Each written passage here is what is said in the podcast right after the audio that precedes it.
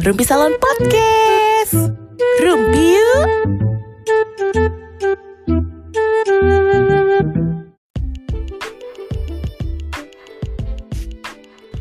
Assalamualaikum warahmatullahi wabarakatuh Halo teman Rumpi Ketemu lagi sama Mami Diansum di Rumpi Salon Podcast tentunya Siapa yang nungguin next episode dari part-part sebelumnya um, Kalau kemarin eh kemarin nggak kemarin sih uh, part di sebelumnya udah bahas gejala bahas ruang isolasi bahas juga fakta dan hoax tentang covid ya kan? Nah sekarang uh, sebenarnya mau ngebahas uh, banyak yang nanya nih teman rumpi uh, ya apa kemarin-kemarin gitu kan. Gimana sih rasanya di swab tes terus uh, apa ya kayak penanganan kalau misalkan isolasi di rumah tuh bisa atau enggak boleh atau enggak. Terus kayak apa apa aja nih gitu kan yang disiapin kalau misalkan isolasi di rumah sama um, apa ya kemarin pertanyaan tuh oh ya kayak penanganan penanganan ringan kita apa ya suruh apa itu? Penanganan ringan kita kalau misalkan ada gejala covid apa aja gitu kan uh, dengan obat-obatan yang ada tersedia di sekitar kita. Seperti biasa Mami Diansum tidak sendiri karena narasumber yang terpaparnya ada langsung di sini. Ada Papa Senja di sini. Ada juga Senja. Eh. ya uh, dan kita mau ngobrolin rasanya tes swab. Nah, gimana nih Papa Senja? Jadi ketika memutuskan untuk tes swab, nah. itu kita harus merelakan keperawanan lubang hidung kita.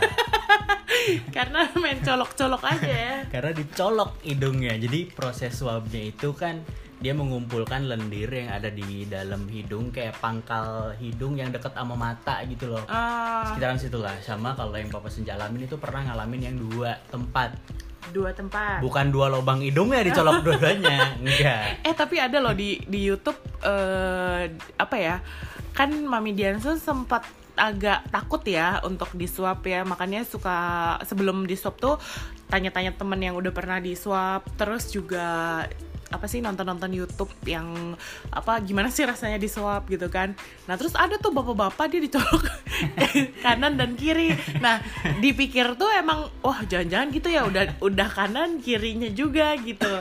Itu uh, sebenarnya jarang terjadi ya? sih yang kayak gitu. Jadi kebanyakan oh. itu dari lendir yang ada di hidung uh-uh. dan juga lendir yang ada di tenggorokan gitu. oh. gitu dan setiap orang tuh pasti experience-nya beda-beda uh-uh. tapi ya kalau yang papa senja alamin uh-uh. rasanya tuh kayak kemasukan air aja di hidung gitu kayak kalau tenggelam kayak, atau apa kan oh. ada ada sensasi perihnya pedes, gitu kan pedes gitu pedes ya. gitu iya kayak gitu uh, dan uh, teman rumpi sebenarnya sih nggak usah takut emang awalnya kalau ngeliat tuh itu kan kayak dimasukin apa ya lidi gitu tapi ternyata pas ditanya-tanya sama apa tenaga kesehatannya gitu kan itu emang bentukannya seperti lidi tapi terbuatnya kayak dari oven apa gitu yang yeah. dia lentur lentur iya yeah, jadi si batangnya itu huh? lentur banget terus yang huh? ujungnya juga enggak sesuatu yang lunak gitu bukan uh. kayak sesuatu yang uh, keras ketika dimasukin. Uh, kayak apa sih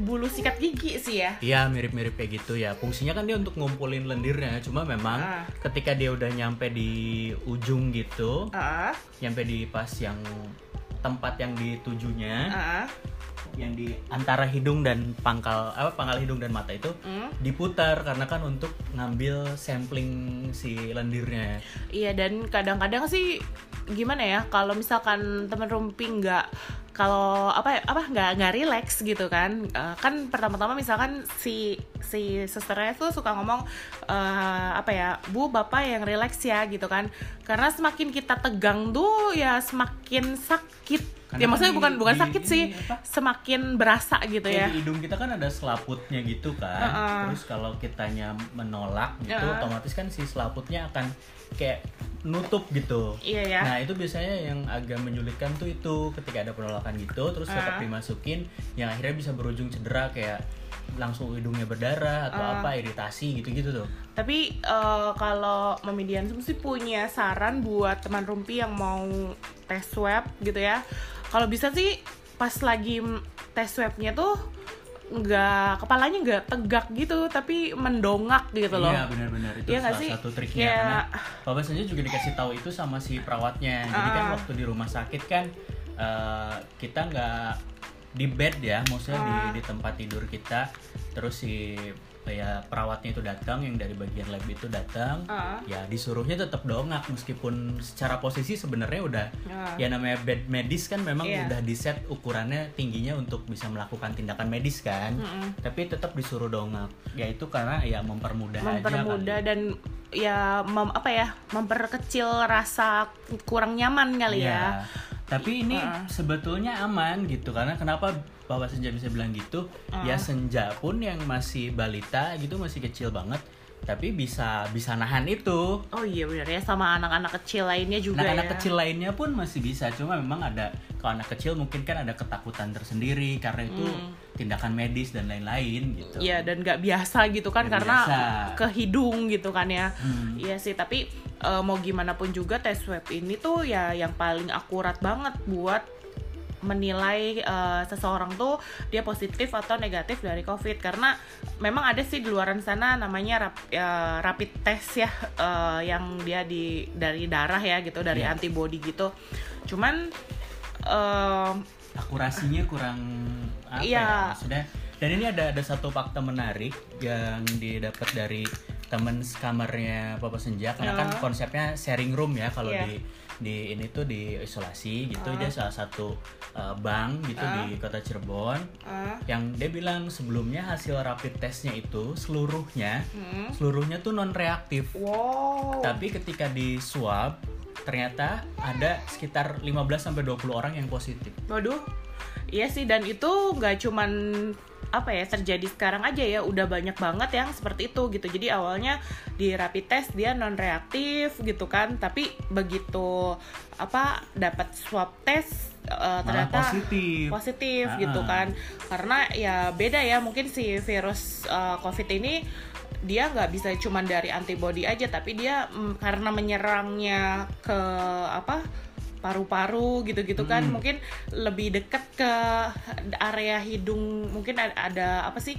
Lendir, lendir ya yang ada di sekitaran tenggorokan dan, hidung dan kita ketika ya dokter memutuskan ini positif covid pun Ah. datanya tuh didukung juga sama data fototoraks rongsen. Oh oke. Jadi nggak serta merta setelah misalkan swabnya positif nih Ah. terus kan langsung dirujuk ke rumah sakit Ah. atau diisolasi tapi biasanya kalau yang di rumah sakit tuh Hmm. dia akan tetap dilanjutkan dengan fototoraks untuk Nah. melihat uh, seberapa parah sih dia terpapar covidnya kayak Papa Senja kasusnya misalkan Ah. Papa Senja tuh ada kalau dilihat ya Ah. menurut menurut awam ya menurut Ah. menurut pandangan Papa Senja itu ada titik putih itu sekitar tujuh titik di bagian atas Waduh, tuh kayak cakra ya.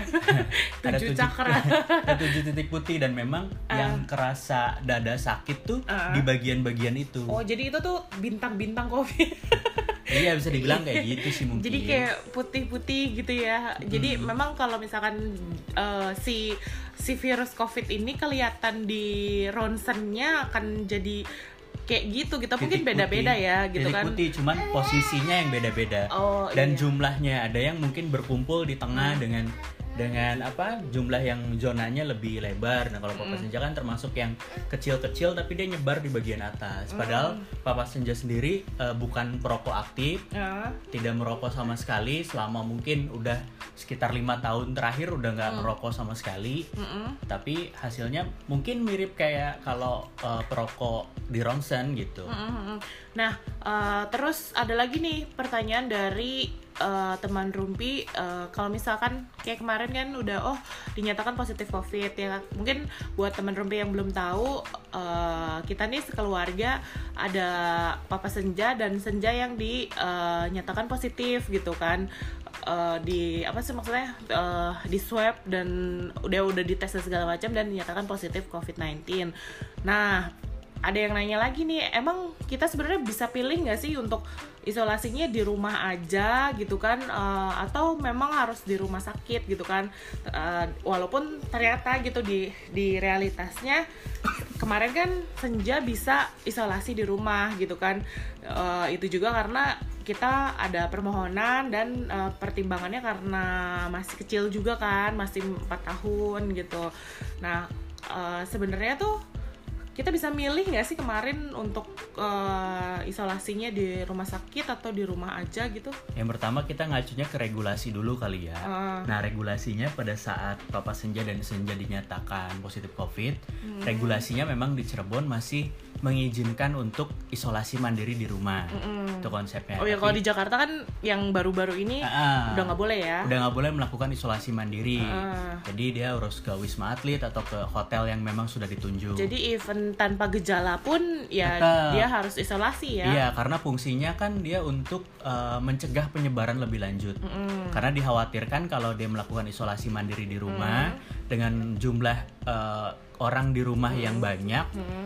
itu kan jadi memungkinkan untuk malah jadi penyebaran yang lebih lebih kacau lah nanti Bener. trackingnya gitu hmm. sementara kan uh, kondisinya pada saat itu hmm. Papa Senja pun pilihan hmm. jadi uh, di episode sebelumnya juga kan hmm. Papa Senja ceritain bahwa dari pihak puskesmas ini menanyakan berulang-ulang mm. tapi mau kan di rumah sakit tapi mm. mau kan itu berulang-ulang mm. dan Bapak Senja memang uh, pada saat itu berpikir yang pertama karena di rumahnya ada anak kecil hmm. terus memang nggak mau akhirnya nanti malah menyebarkan uh, ya lebih parah lagi hmm. terus dan kayak apa ya kayak untuk isolasi di rumah tuh kayak struktur rumahnya juga harus bukan struktur sih kayak misalkan ada kamar yang harus yeah. kamar mandinya di dalam. Ada ketersediaan kamar terus, dan lain-lain. uh, terpisah. Misalnya kamarnya mungkin agak jauh gitu dari ruangan Betul. utama gitu kan. Maksudnya si kamar itunya gitu kan. Ya mungkin kalau misalnya teman rumpi uh, ada gitu di rumah dengan fasilitas yang kamar mungkin di ujung sana gitu kan. Terus uh, ada kamar mandinya di dalam Kayaknya atau sih, bahkan kalau misalkan ada rumah yang ada satu bangunan pavilion ya. Ah, ada satu bangunan yang terpisah dari uh, rumah utama itu bagus sih sebenarnya. Atau ya pakai tenda. Kalau pakai tenda ya malah kesiksa oh, iya iya.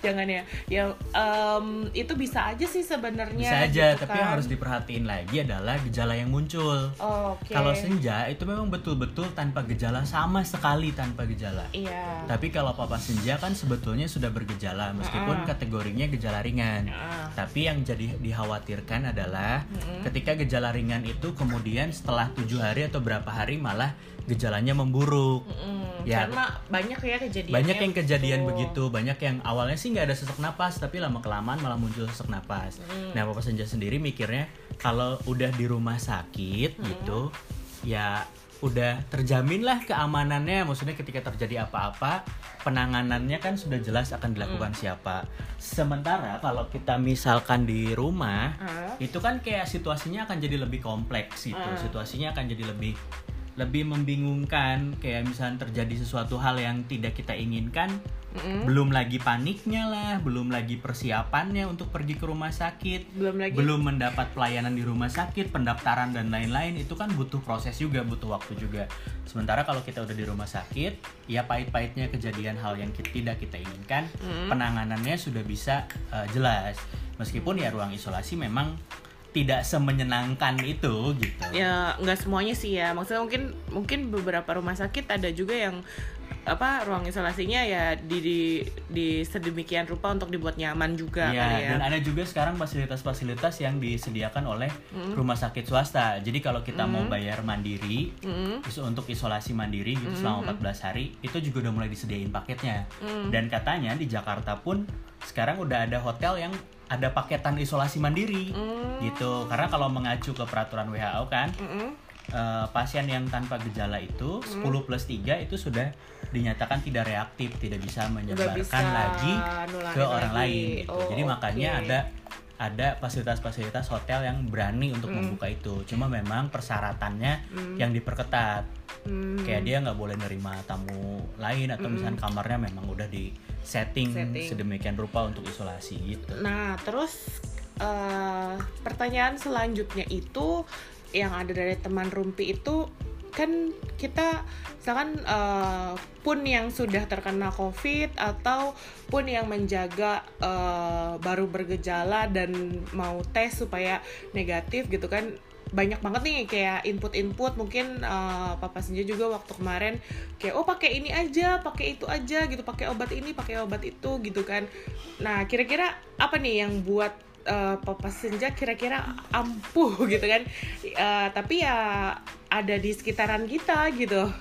Sebenarnya kalau secara pengobatan ya ada beberapa pengobatan yang uh, resepin sama dokter ya. Tapi rata-rata sih sifatnya lebih ke suportif. Jadi kayak ya ada paracetamol terus ada antibiotik terus hmm. ada antivirus sama hmm. kalau papa senja sendiri dikasih kayak obat ispa gitu loh kayak oh, obat okay. paru gitu karena kan ada batuk dan lain-lain mungkin untuk meredakan batuknya hmm. juga. Nah sekarang yang yang yang lainnya gitu kalau itu kan udah jelas ya dari rumah sakit gitu kan hmm. udah pengobatan yang ininya ya. Kalau apa ya alternatifnya gitu yeah. loh. Jadi kayak herbal herbal terus ya multivitamin gitu. Jadi hmm. kebetulan kan uh, setelah Papa Senja dinyatakan positif itu terus hmm. ngabarin ke semua teman-teman terus hmm. ada ternyata ada juga teman Papa Senja juga yang alumni gitu oh, yang alumni covid ya yang dia udah uh. duluan kena covid dan uh. dirawat selama 37 hari. 37 hari. Uh, jadi wow, dia ceritain apa aja sih yang dia konsumsi gitu. Uh -uh. Yang pertama sih uh, vitamin C. Vitamin C itu dia saraninnya kalau merek tuh redoxon. Uh -uh. Kenapa redoxon? Karena ada kandungan zincnya. Uh -uh. Terus yang kedua ada Becomz. Uh -uh. Becomz tuh ada kandungan zincnya juga. Hmm, itu kalau misalkan ibu-ibu hamil tahu lah ya pakai uh, pasti pakai besi ya. kan kayak gitu gitu. Terus? Nah terus kalau Papa Senja sendiri, Papa Senja setiap uh, pagi dan sore sebelum makan itu pasti mengkonsumsi yang pertama madu. Madu, oke. Okay. Yang kedua habatus sauda. Mm-hmm. Tapi yang udah dalam bentuk pil pil gitu. Jadi mm-hmm. lebih lebih enak untuk diminum gitu. Mm-hmm. Terus? Yang ketiga ada minyak PCO, virgin coconut oil. Mm-hmm. Ya minyak apa sih namanya minyak kelapa, kelapa murni uh, kali ya gitu uh. ya. Ya nanti bisa di googling aja lah minyak mm-hmm. VCO gitu. Mm. Itu sama kayu putih. Mm gitu kayak ya. putih kan sering orang bilang kayak wah oh, itu sih hoax apa segala macam hmm. tapi ya dalam rangka kita ikhtiar gitu hmm. kan ikhtiar untuk kita sampai ke tahap yang negatif hmm. ya akhirnya apa pun dilakuin deh gitu apalagi setelah Bapak Senja uh, swab yang kedua di rumah hmm. sakit itu hasilnya masih positif hmm. akhirnya lebih ngencengin ke arah yang uh, herbal-herbal itu kayak oh. minyak PCO terus madu dan lain-lain. Kalau minyak kayu putih di apain sih? Kalau treatment yang Papa Senja lakuin, uh. oh Senja juga minum minyak kayu putih ya? minyak kayu putih itu uh. Uh, selalu dibalur ke bagian dada, uh. dada sama leher. Uh. Itu mungkin hampir setiap abis wudhu gitu tuh, abis uh. sholat tuh pasti selalu balur. Uh. Karena emang ngebantu juga kadang bapak senja kan kalau udah kena dingin tuh batuk hmm. gitu hmm. nah itu juga membantu kayak ngelegain pernapasan hmm. terus ya kata orang diminum ya bapak senja juga lakuin tapi memang cuman sehari sekali jadi dibikin kayak teh manis gitu hmm. panas terus ditetesin satu tetes doang itu rasanya ya min min min gitu ya mental mental uh, gitu terus ya. pernah juga uh, ditempelin di lidah. Mm. Jadi si minyak kayu putih itu diketanganin gitu ke tunjuk atau ke jari tengah. Mm. Habis itu ditempelin di lidah. Emang rasanya awal-awal sih mual banget. Mm. Hampir semuanya deh kayak minum PCO mm. terus kayu putih itu emang perasaan-perasaan yang nggak enak karena Gak kita biasa kan ya. selalu untuk mengkonsumsi itu kan. Iya iya iya. Jadi iya. ya mungkin kalau obat-obatan kita masih bisa nelan gitu. Tapi hmm. ketika dihadapi nama minyak hmm. PCO gitu kayak kita nelan minyak gitu.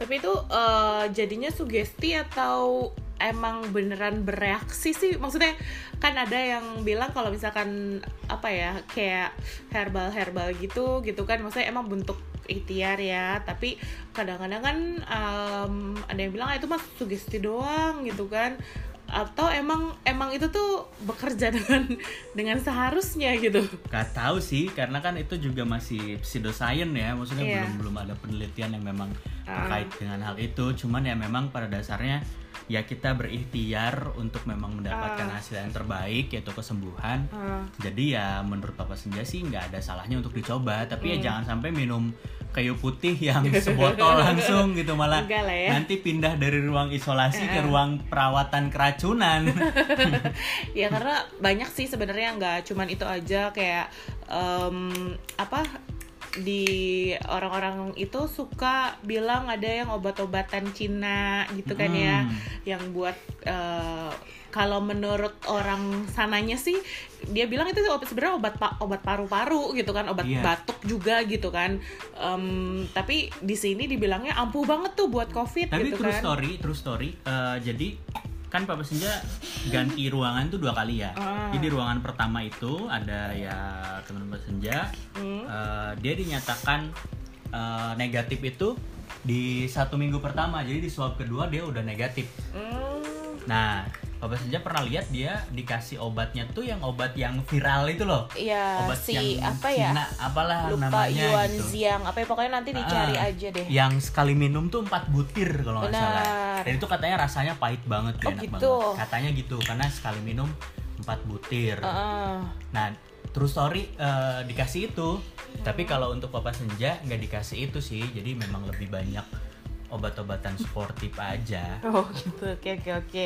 Terus uh, ya yang pasti sih tadi ya kalau minyak kayu putih sebenarnya sih banyaknya dibalurkan ya karena tetap aja dia obat luar sebenarnya ya kan. Hmm, cuman, cuman ya atas dasar ikhtiar, atas dasar uh, uh, ya apa ya menumbuhkan uh, semangat gitu. Jadi yeah. akhirnya dengan itu. Tapi yang pasti sih hmm, kalaupun kita memang harus diisolasi di rumah sakit, uh, isolasi paling enggak setiap pagi tuh sempatin untuk olahraga lah maksudnya untuk mm. jalan di tempat atau lari di tempat uh. karena itu juga salah satu yang bisa ngebantu metabolisme tubuh kita kan uh, dan juga ada yang bilang katanya minyak uh, kutus-kutus gitu kan yang kalau apa ya Ruby juga mungkin udah sering pakai sering tahu gitu kan ya tapi apa pun itu ya namanya juga kita mencoba ya karena um, apa ya di saat kena virus ini tuh pasti kan psikis tuh ngedown gitu kan. Kayak kita butuh sesuatu hal yang uh, bikin kita percaya bahwa ini nih bisa bikin langsung sembuh nih gitu iya, kan. iya gitu. Jadi memang peran sugesti itu diperluin gitu. Iya ya. Maksudnya karena kan uh, selama menjalani isolasi itu ini hmm. juga mungkin salah satu ya bisa dibilang kritik lah ya maksudnya buat tempat isolasinya Papa Senja.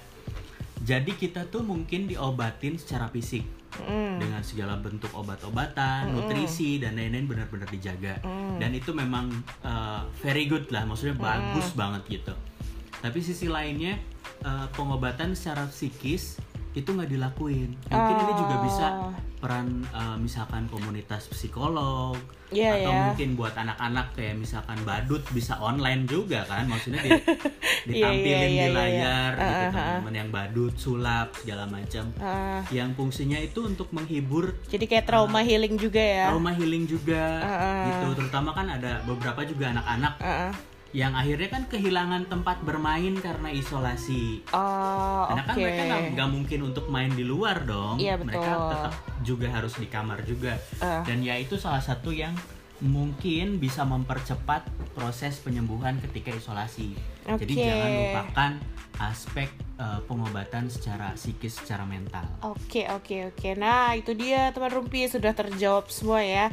Um, pertanyaan-pertanyaan kayak gimana sih rasanya swab, gimana sih uh, isolasi di rumah, perawatannya apa, terus harus bagaimana. Yang pasti sih ya itulah yang jangan uh, dilupain walaupun kita udah sembuh atau misalkan kita uh, tidak terkena si virusnya gitu kan. Uh, vitamin dan madu ya gitu kan. Itu sebenarnya buat ngejaga imun kita gitu kan. Dan uh, kalau bisa sih kita selalu berpikiran positif gitu kan. Ya sebenarnya sih kalau pikiran positif semua penyakit juga begitu ya gitu kan. Mau penyakit apa pun kalau kita pikirannya negatif ya bikin tambah parah gitu kan. Tapi eh, nggak uh, ada salahnya gitu kan. Untuk uh, imun yang lebih baik ya kita harus tetap uh, stay positive thinking terus uh, apa ya ya tetap bahagia lah gitu. Walaupun ya hidup ya nggak bahagia terus gitu kan ya. Nah uh, terus kemarin juga apa ya selama 13 hari ya Papa Senjaya uh, lumayan ya. Uh, Mami Diansum juga apa ya secara psikis juga uh, walaupun Mami Diansum uh, negatif dari COVID tapi lumayan kena gitu kalau dari psikisnya gitu. Karena uh, ngedownnya ya luar biasa lah ya gitu kan uh, karena anak uh, positif suami positif gitu kan yang satu diisolasi di rumah sakit yang satu diisolasi di rumah gitu kan. Tapi ya bagaimana caranya biar uh, kita tetap uh, apa ya pikirannya ya ya yang senang-senang aja gitu. Misalkan kita senang dengerin lagu ya dengerin lagu. Gimana caranya gitu kan untuk kita tetap uh, apa ya biar nggak mikir-mikir yang aneh-aneh gitu. Walaupun ya berat gitu kan. Atau misalkan kita senengnya nonton drakor ya udah lakuin aja gitu kan. Supaya apa ya uh, kita tetap happy gitu atau makan makanan yang enak itu sih itu yang paling ampuh sih makan makanan enak dan um, ini akhir part ya dari dari part tentang story sharing uh, COVID-19 Papa Senja dan juga Senja dan juga Mami Diansum. Kita juga mengucapin makasih banyak nih buat uh, teman-teman yang kemarin-kemarin udah support gitu kan dari ada juga Pak RT, Pak RW.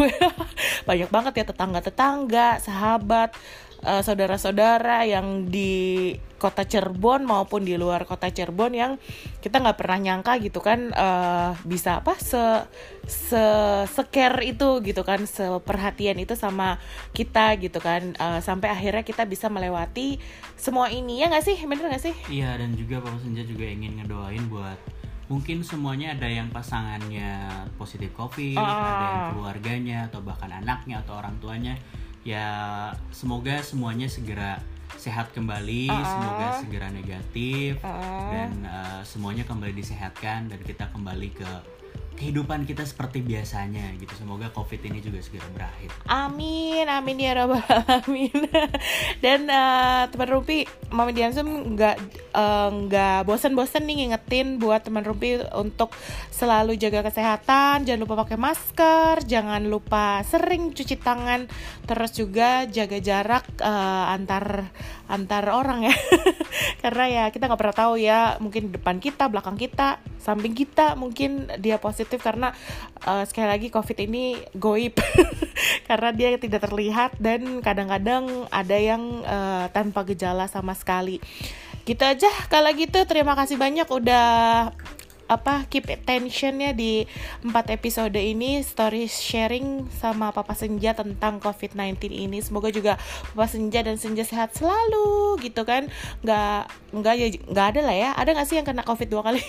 Ada sih. Oh, ada ya? reinfeksi tuh uh, tetap ada. Uh, tetap tapi ada. ya jangan lah ya itu aja. Cukup cukup sekali saja.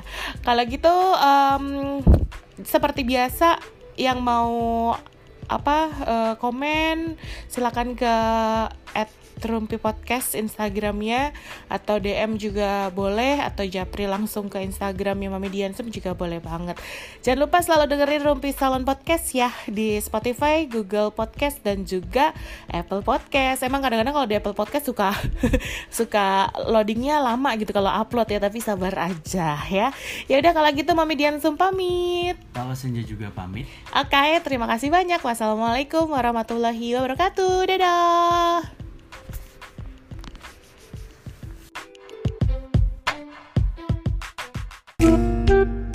Terima kasih udah dengerin Rumpi Salon Podcast. Jangan lupa like, komen, dan share kalau kamu suka.